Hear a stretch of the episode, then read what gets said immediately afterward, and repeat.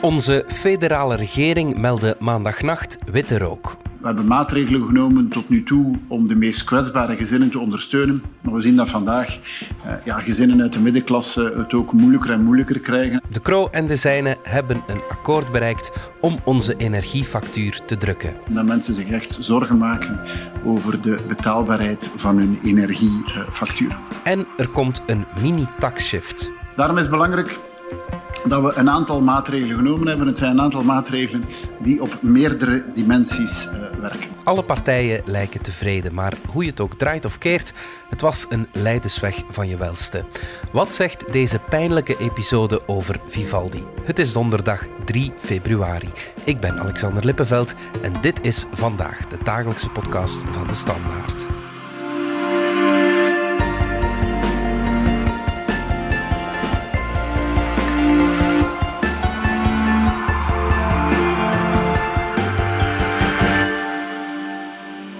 Bart Brinkman van onze politieke redactie. Er is een akkoord. Kan je kort even toelichten wat er juist beslist is om te beginnen met die, uh, onze energiefacturen? Ja, er is een uh, akkoord om de energiefactuur iets of wat te verlichten. Uh, er komt in eerste instantie voor iedereen een cheque van 100 euro die via de elektriciteitsfactuur wordt verrekend. Een verwarmingspremie van 100 euro voor alle gezinnen. En daarnaast wordt ook de btw-tarief. Een reduction uh, temporaire de la TVA sur l'électricité de 21 à 6 uh, procent. Het btw-tarief op elektriciteit wordt voorlopig, maar wellicht wordt dat structureel teruggebracht van 21 naar 6 procent. C'est pour tous les uh, pour tous les ménages et elle sera valable pendant une période de 4 mois. Dat betekent dat we spreken uh, voor, uh, laten we zeggen, de mensen die niet kunnen profiteren van een, uh, van een sociaal tarief, dat je ongeveer 160 tot 200 euro van de overheid krijgt om je energiefactuur te verlichten. Ja. Daarnaast is ook het sociaal tarief, wordt dat verlengd tot de zomer. Een sociaal tarief waar ongeveer 20% van de Belgen gebruik van maakt vandaag. Sociaal tarief dat tot nu toe een voordeel gaf van ongeveer 700 euro per, uh, per gezin. Dat betekent ongeveer, dat gaat over 1 miljoen gezinnen die sowieso al een goedkoper tarief uh, krijgen en waar het verschil eigenlijk wordt bijgepast door de overheid. Er komt ook een kleine taxshift. Wat houdt die juist in? Het gaat eigenlijk terug tot de jaren 90. Toen is er eigenlijk een belasting op een belasting gegeven. Dus dat wat men dat de bijzondere sociale bijdrage noemde. Mm -hmm. uh, men wil die afschaffen. Minister van Financiën, Vincent van Petegem, die legt uit waarom die maatregel op de schop moest. Dat op die manier toch wel werk maken van het afschaffen van een uh, verouderde fiscale maatregel, uh, ooit ingevoerd in 1994 uh, als, een, als een crisisbelasting. Maar door die eerste afschaffing of een eerste fase van die afschaffing te doen, dat we natuurlijk op die manier iedereen die werkt ook gaan ondersteunen. Een maatregel die trouwens ook past binnen die bredere fiscale hervorming die we aan, het, aan het voorbereiden zijn. Dat is eigenlijk beslist bij het uh, jongste begrotingsakkoord van oktober vorig jaar. En men begint nu bij, laten we zeggen, de mensen die, die het minst verdienen, tot 3005 euro bruto. Die mm-hmm. krijgen ongeveer een honderdtal euro per jaar krijgen die ja. terug of moeten ze niet betalen. Het is wel de bedoeling op termijn dat, dat, uh, dat die belasting voor iedereen zal wegvallen. Ja. Maar dan praten we al gauw over 500, 600 uh, euro. Dus, maar dat is dus uh, toekomstmuziek, omdat dat natuurlijk budgetair een enorme impact heeft. Ja, als je ergens iets weghaalt, dan moet je dat natuurlijk ergens anders ook uh, verdienen. Zo gaat dat bij een taxshift. Zo gaat dat inderdaad bij een Waar komen de nieuwe inkomsten uh, vandaan? Ja, de nieuwe inkomsten gaan, die, die, komen uit een aantal bronnen, zoals tabak. Ook de, de vliegtax is nu eindelijk goedgekeurd. De maatschappelijke en de ecologische kosten daarvan eigenlijk weinig tot niet fiscaal in, uh, in, rekening worden gebracht en dat dat eigenlijk vandaag niet meer te verantwoorden is. En in navolging van heel veel andere Europese landen, ook buurlanden, hebben ervoor gekozen om ook op alle passagiersvluchten een inschepingstax te gaan heffen. Dit geldt zowel voor commerciële vluchten, maar zeker ook voor privé- en, en zakenvluchten. Dus die moet ook wat geld genereren. En er zijn een aantal dingen die naar werkgevers gingen, rond ploegenarbeid en zo. Er zijn een paar optimalisaties, dus daar wordt ook wat geld gehaald. Ja, oké. Er zijn dus die twee luiken van dat akkoord. Maar is het ook een goed compromis, vind je? Wel, het is een compromis. Ehm, we kunnen om te beginnen zeggen, het is too little too late. Um, too late, omdat het pas ingaat op 1 maart. Het ergste van de winter is al, is, is al achter de rug. Mhm. Dus het is, uh, het is laat. Nu, dat laatste wil ik toch even nuanceren.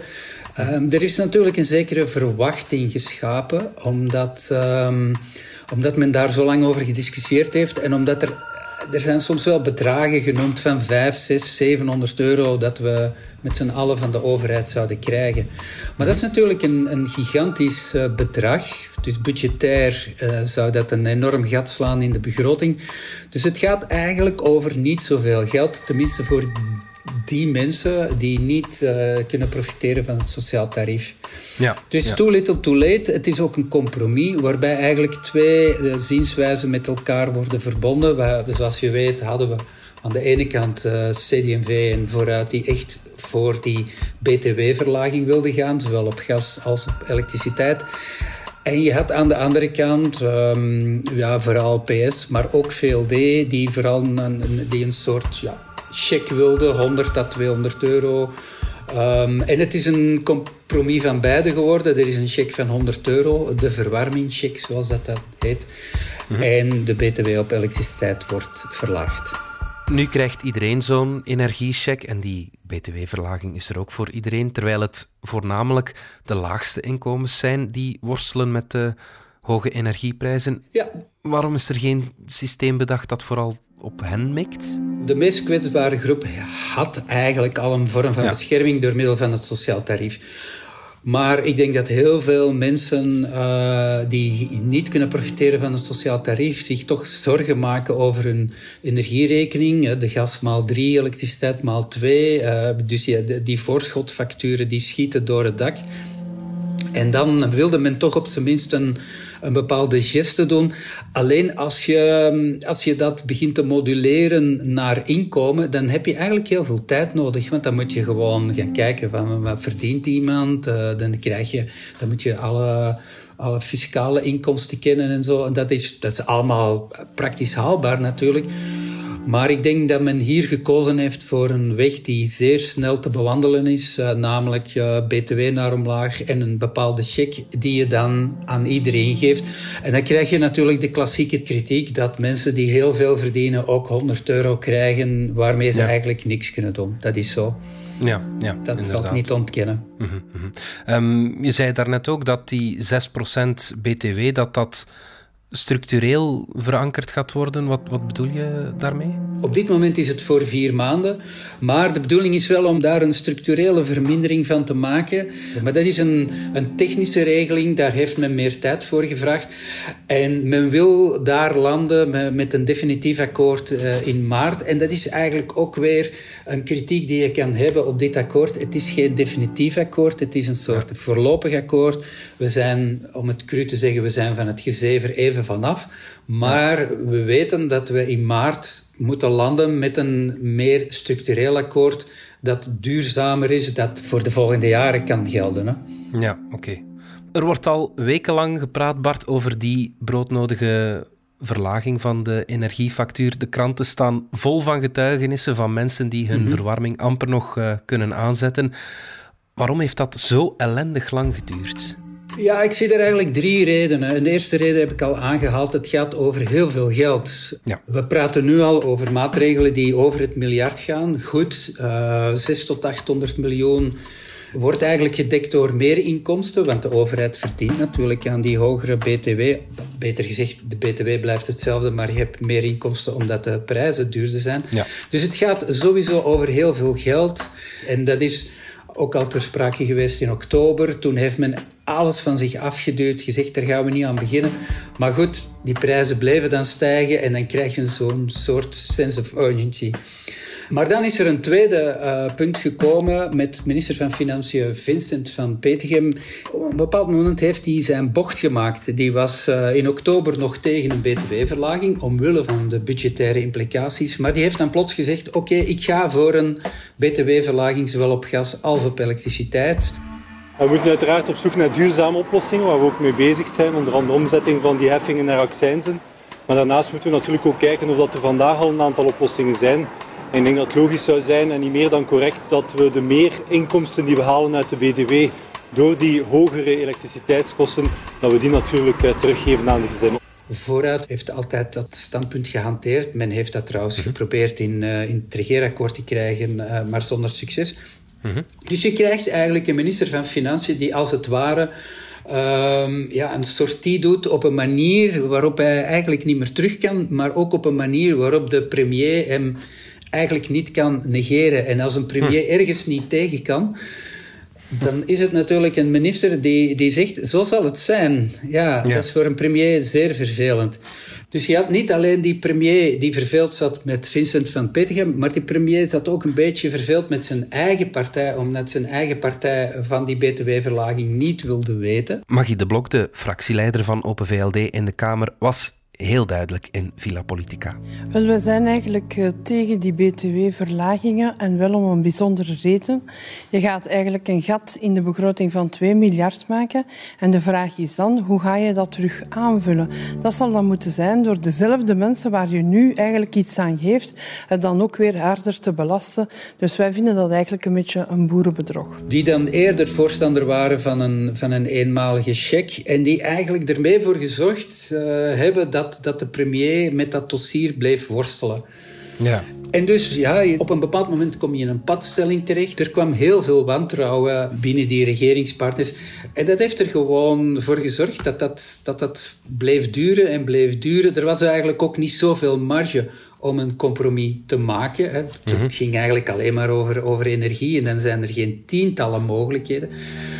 Dus dat werd lastig. Zijn er eigenlijk winnaars uit dit akkoord? Goh, het mooie aan dit compromis is dat iedereen kan zeggen uh, dat hij een beetje of zij een beetje gewonnen heeft. Uh, dus Van Petegem kan zeggen, ik heb mijn btw-verlaging. Wel, we hebben uiteraard uh, altijd afgesproken dat we wat we extra krijgen uh, uit de meerinkomsten, bijvoorbeeld uit btw, dat we dat terug willen geven aan de mensen. Tine van der Straten kan zeggen, ja, wij wilden een slimme btw-verlaging, dus die heeft een slimme btw-verlaging. Met de bedoeling om eigenlijk op een structurele manier te gaan kijken hoe kunnen we omgaan met die prijsschommelingen. Dus met andere woorden, hoe kunnen we ervoor zorgen dat die accijns eigenlijk gaat uh, ageren als een schoktemper op de factuur, als een regelaar op de factuur. Namelijk een btw-verlaging die voor een stuk gecompenseerd wordt met, met accijnzen. Uh De premier kan zeggen, ja, die 100 euro uh, korting heb ik er doorgekregen. Met die verwarmingspremie van 100 euro die uh, naar elk gezin gaat, ja, geven we eigenlijk de mogelijkheid om op die verschillende manieren waarop mensen zich verwarmen en waar de prijzen naar omhoog gegaan zijn, om daarvoor um, een stuk verlichting van de factuur te kunnen, uh, te kunnen krijgen. De PS die kan hetzelfde zeggen. We hebben onze korting erdoor gekregen. Dus eigenlijk zijn er, je zou kunnen zeggen, er zijn op papier alleen maar winnaars. Alleen, ja, ik vrees dat dat bij de publieke opinie toch, toch wat op een koude steen zal vallen, omdat, en dat is een kritiek die we gehoord hebben, Namelijk, ja, die btw-verlaging uh, op elektriciteit is misschien wel fantastisch, ja. maar de gasprijzen zijn veel harder gestegen. Ja. En veel meer mensen zaten te wachten op een btw-verlaging op gas, mhm. Omdat het hen natuurlijk meer zou opbrengen. En dat is natuurlijk ook de reden waarom dat die er niet gekomen is. Want als je een btw-verlaging doorvoert op gas, dan praat je al gauw over 600, 700 euro. Ja. In plaats van nu 60, 70 euro. Dus men kon dat gewoon niet betalen. Goed, de minister van Energie zegt dan, ja, maar dat is logisch, want gas is een fossiele brandstof. En we, we willen toch de mensen niet aanmoedigen om, om gas te gebruiken. Dat is dan dezelfde minister die miljoenen subsidies in nieuwe gascentrales uh, gaat steken. Dus dat is een verhaal waarmee dat je eigenlijk ook niet kunt uitpakken. Dus ik wil maar zeggen, iedereen kan zeggen, we hebben iets binnengehaald, maar ik denk ook niet dat er veel sprake was van, uh, van triomfalisme. Het zou ook zeer misplaatst zijn omdat het, ja, het is een, het is een brik-à-brak oplossing. We geven iedereen een beetje. En natuurlijk, de, de, de consument had er wellicht meer van verwacht. De oppositie was nadien snoeihard, niet in het minst voor de tijd die het allemaal heeft gekost. U hoort Raoul Hedebouw van PvdA en Peter de Rover van NVA. Er zijn zelfs geen tweets gekomen van partijvoorzitters om te zeggen dat ze het niet akkoord zijn over het akkoord dat blijkbaar niet is afgesloten. Als er geen tweets komen, dan is er echt niks. Want hier is al twee weken lang dat er gezegd wordt dat het dringend tijd is. Um, men beweert wel eens een keer dat deze regering niet met oplossingen komt. Rousseau op 12 januari. Er is geen tijd voor lange ingewikkelde discussies. Dat is natuurlijk flauwekul, want uw regering komt per probleem met zeven oplossingen. De regering moet nu actie ondernemen. Kim Buis van Groen, de maatregelen moeten snel genomen worden. Het probleem is dat die niet in elkaar haken. Dat die niet uh, tot één beleid leiden. En wat gebeurt er? Popom, popom, popom, popom, popom, popom. Het is lang niet de eerste zware discussie voor uh, de regering De Croo. Ik heb het je al een paar keer gevraagd in uh, onze vorige podcast, denk ik, Bart. Maar wat is er toch mis met die Vivaldi-ploeg? Waarom loopt het altijd uit op, op dit soort discussies en dit soort eindeloos gepalaver? Ja, dat is, een, dat is een heel goede vraag. Je kan daar verschillende redenen voor aanhalen. Eerst en vooral, het is een regering met zeven partijen, dus met zeven voorzitters. Al die voorzitters uh, willen zich profileren. Zelfs de voorzitter van Open VLD, uh, Egbert Lachaert, wil zich profileren. Dan een beetje ten koste van, van de premier zelf. Dus men zegt wel eens, ja, ja dat is toch een, een, grote verrijking. Hè. We kunnen allemaal leren van elkaar. Maar, maar als puntje bij paaltje komt, moet je gewoon uiteenlopende uh, standpunten met elkaar verzoenen. En het is natuurlijk ook die profilering die ervoor zorgt dat, dat, uh, dat iemand als uh, Vincent van Petegem dan een bepaald voorstel de wereld instuurt en bijna doet van, ja, dat gaat het worden. We, we hebben dat ook gehad met het pensioenvoorstel van mevrouw Lalieu, van de PS dan in dit geval. Ineens ligt daar een voorstel, ja, en dan moet het dan bij wijze van spreken worden. En dan kruipt natuurlijk, kruipen alle andere partijen kruipen dan een beetje in een eigen stelling en die zeggen dan, ja, maar zo kun je toch niet werken en dit en dat. En dus dan eindig je natuurlijk met vragen over de werkwijze van, uh, van Alexander de Croo. Is daar, een, is daar een probleem mee? Sta mij toe dat we binnen deze regering altijd die methode gebruikt hebben. Het wordt wel eerder op een abstracte manier aangehaald van, van hoe zit het dan eigenlijk. En in een complex dossier als dit een complex dossier waar we misschien zou kunnen zeggen dat men in het verleden er altijd in een grote cirkel omheen gelopen heeft, dan doen we dat op een zorgvuldige, op een doordachte en op een doorrekende manier. Laat hij de dingen te lang uh, aanmodderen? Mist hij de nodige creativiteit om het compromis te maken? Dat is wat u van ons kan verwachten en dat is wat deze regering aan het doen is en zal kunnen afwerken in, in de nabije toekomst. Ja, dat is, een, dat, is een, dat is een moeilijk punt. We kunnen alleen maar vaststellen dat, het, uh, dat ook dit akkoord, uh, zoals zoals ik al zei, nog een los eindje bevat. Zoals mhm. het akkoord over de kernenergie ook nog een los eindje bevat. Ja. En er komen heel moeilijke dossiers komen er nog aan. De pensioenen komen eraan. Uh, het arbeidsmarktbeleid is nog altijd niet rond. Er wordt ook al maanden over uh, gepalaverd. Dus ja, ik vrees dat we niet onmiddellijk in een, in een situatie zitten waarbij al, uh, waarbij al deze regeringsleden elkaar zullen vinden en plots zullen zeggen van kijk, nu gaan we het, nu gaan we het anders doen. Ik denk dat het een beetje ingebakken uh, zal blijven ja. tot uh, 2024. Ja, je schreef vorige week in je commentaarstuk, vorige week vrijdag, misschien moet Vivaldi een nieuw regeerakkoord schrijven. Ik vind dat wel een fris idee, Bart. Moeten ze niet eens gewoon terug aan tafel gaan zitten? Vorige week maandag is de kern, dus alle vicepremiers en de premiers zijn samengekomen om, om eens na te denken over, eh, moeten we het niet anders aanpakken? Wat willen we dit jaar allemaal gedaan krijgen? En, en dat is natuurlijk geen nieuw regeerakkoord dat er wordt geschreven, maar je voelt wel, als ik terugdenk aan Paars, 20 jaar geleden, um, daar slaagde men er toch beter in, maar er was ook wel meer geld, moet ik toegeven. Maar daar slaagde men er toch beter in om elke partij iets te gunnen. En dat was dan misschien uh, niet naar de zin van een andere partij, maar uiteindelijk was iedereen op termijn gelukkig. En dat is ook een regering die dan bij de verkiezingen uitstekend uh, gescoord heeft. Ja. ja, soms denk je dat dat hier te weinig gebeurt. Dat het geven en nemen, dat dat moeilijk gaat. En dat het geven en nemen dan beperkt wordt tot één enkel onderwerp, zoals we hier bij energie hebben gezien. Hè. De, de ene heeft wat gegeven, de wat genomen. Uiteindelijk krijg je dan een ingewikkeld compromis.